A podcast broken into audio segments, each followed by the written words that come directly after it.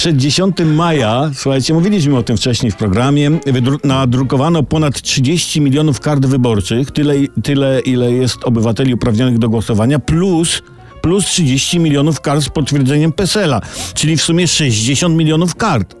Z tego to się zorientowałem, te karty mają format A4, 20 na 30 cm i podjąłem dla was ten trud i obliczyłem, że karty mają łączną, łączną długość 18 tysięcy kilometrów i powierzchnię 360 hektarów.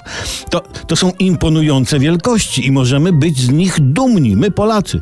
Żeby wam uzmys- uzmysłowić wielkość czy rząd wielkości. Powiem, że kart, że z tych kart można by ułożyć drogę z Warszawy do Sydney i jeszcze by został zapasik jakieś 3000 kilometrów, żeby się pokręcić po okolicy. Opera, te rzeczy, kangury, równina, gdzie niegdzie dziobak, no.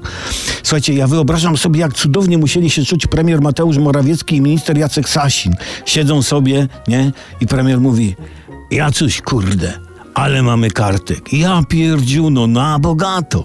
No, Mati, odpowiada minister Sasin, to jest coś. Z tobą się czuję, jakby 60 minut trwało godzinę. Polej.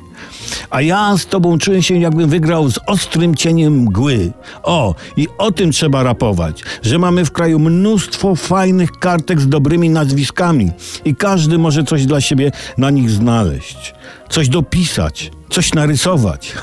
A w ogóle to najważniejsze, że dzięki wydrukowaniu tylu kart już wiemy, po co wycinano Puszczę Białowieską. Na papier.